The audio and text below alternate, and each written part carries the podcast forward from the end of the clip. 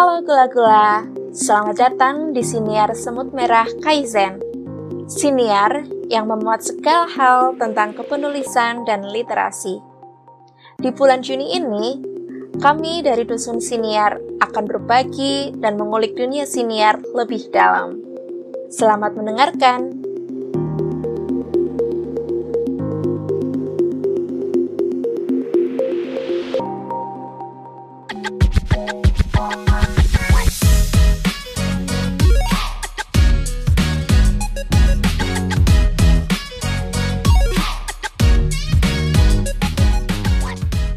Semuanya, kali ini kembali bersama Kino. Hari ini Siniar Semut Merah Kaizen kedatangan tamu selebriti di dunia siniar Indonesia, yaitu Om Rane dari Siniar Suarane, Kepo Buku, apalagi ya. Berhubung panjang dan seru, obrolan kita dibagi dalam tiga episode yang akan tayang dalam tiga hari ke depan.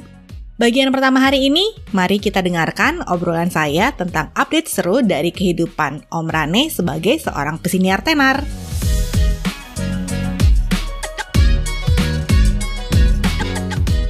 Aku tuh dalam rekaman kita kali ini tuh nggak pengen memperkenalkan Parane itu siapa. Nanti udahlah googling aja ya. Tanya aja om Google.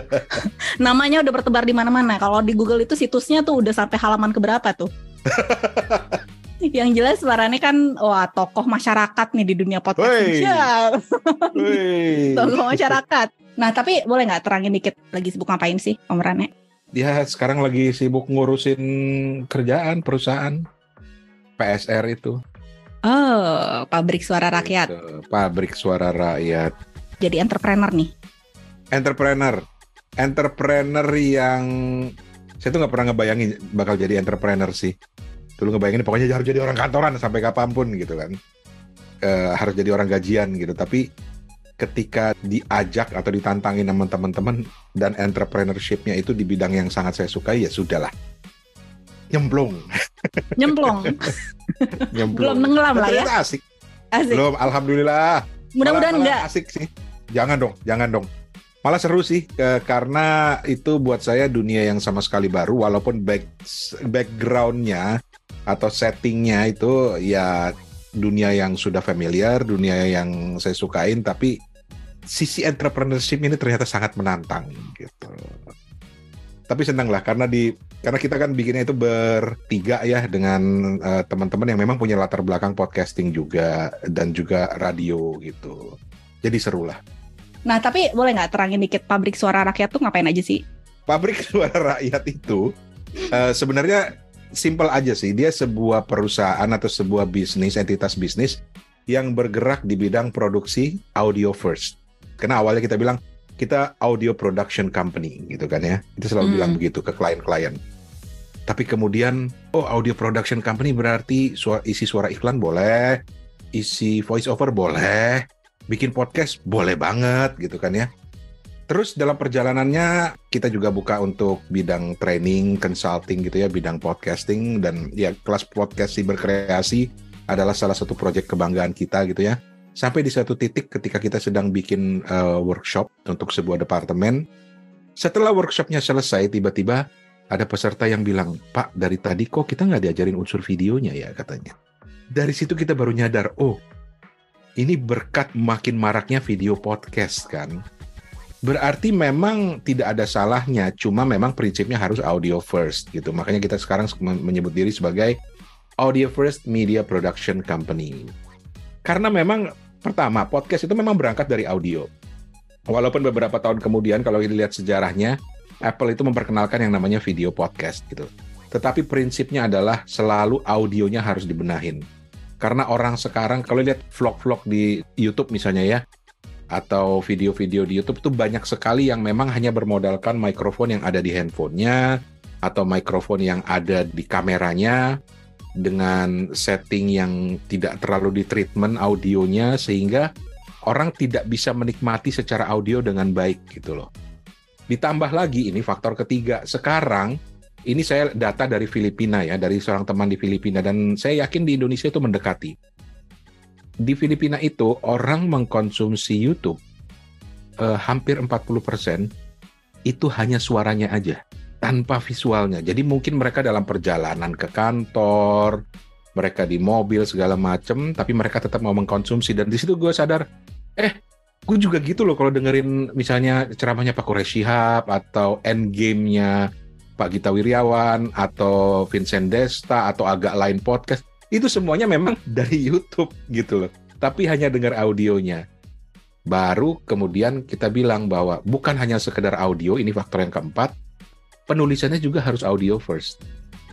Karena kadang-kadang kalau kita udah ngomong di video gini kan enak banget nih ngomong nih pokoknya um, misalnya ini nih saya pak ada kacamata di depan saya sekarang tunjukin gitu.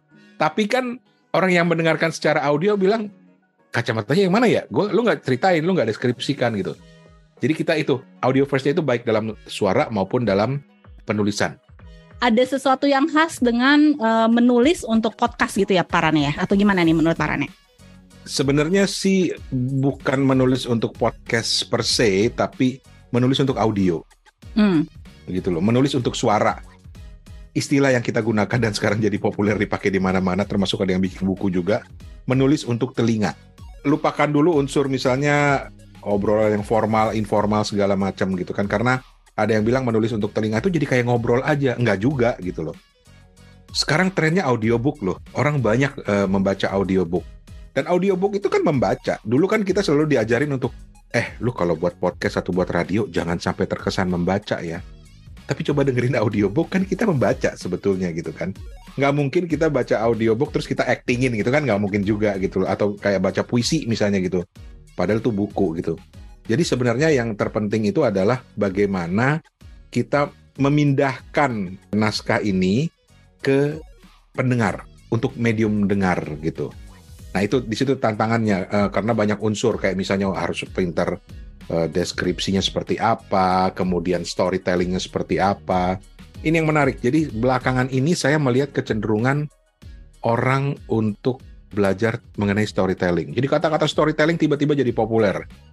Wah gila nih storytellingnya keren banget gitu. Bahkan pelatihan-pelatihan juga kemudian mulai banyak yang Pak mau dong uh, minta pelatihan storytelling dong teknik-tekniknya seperti apa segala macam. Di situ kok wah seru nih gitu. Karena di titik awal ketika kita ngomongin theater of mind itu kan sebenarnya juga untuk membantu memvisualkan kata-kata kita kan dan membuat orang menjadi bisa terpacu imajinasinya gitu kan untuk membayangkan sesuatu. Tapi kemudian ditambahkan dengan kemampuan storytelling, wah jadi komplit nih Padahal storytelling itu ini ya, maksudnya kita tuh udah tahu dari turun temurun gitu loh, didongengin sama orang tua dan seterusnya. Cuman nggak pernah bener-bener dieksplorasi sebagai sebuah mungkin sebuah jalur pekerjaan atau jalur profesi yang yes. yang lebih dalam gitu ya. Jadi berarti yes. udah mulai bermunculan ya akhir-akhir ini. Udah mulai, udah mulai sampai uh, sekarang saya sedang merancang sebuah modul khusus buat storytelling yang sebenarnya udah dicoba di beberapa kelas internal, beberapa perusahaan, kemudian saya coba uh, sempurnakan sehingga menjadi modul dan doain ini akan jadi salah satu materi kelas podcast berkreasi gitu. Karena kan orang selalu bilang, eh lu ada kelas storytelling ada di perusahaan ini, bikin dong yang gratis lagi kayak di berkreasi ada. Ada, insya Allah doain.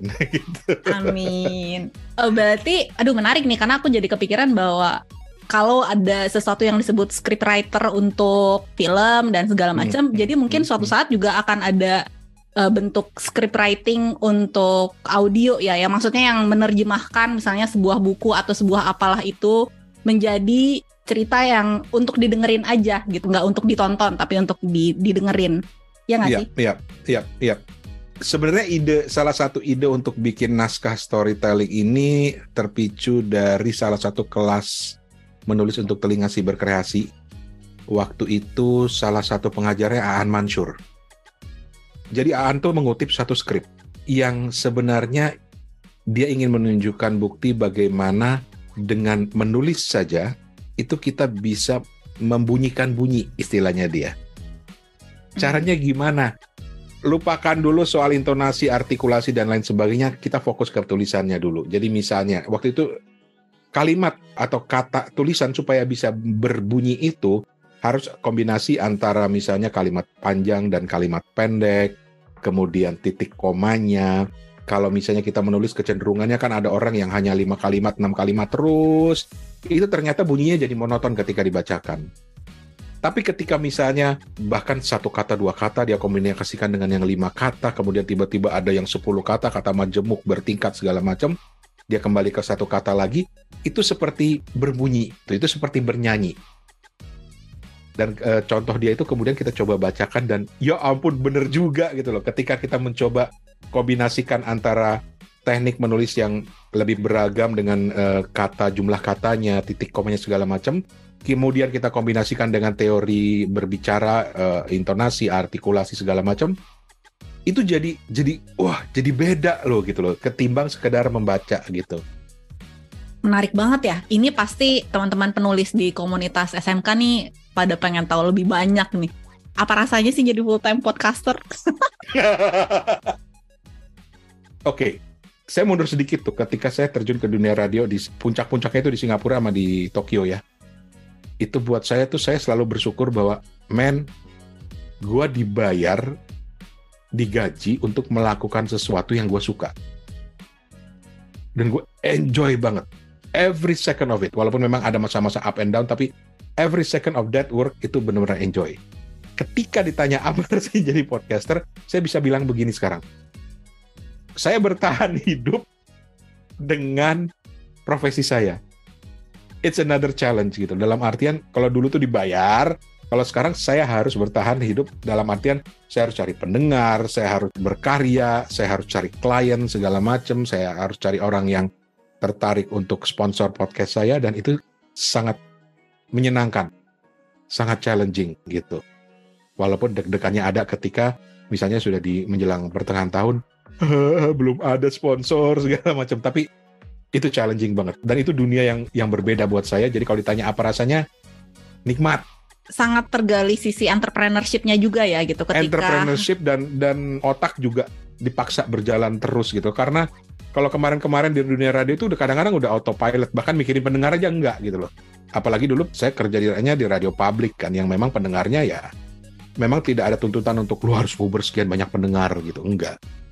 Jadi saya udah wah ya gila enak banget gue dibayar buat begini. Tapi sekarang gue bertahan hidup dengan begini gitu. Itu tuh nikmat banget gitu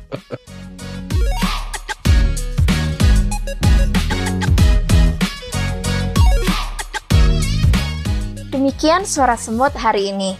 Sampai jumpa esok dengan inspirasi yang lain. Salam literasi.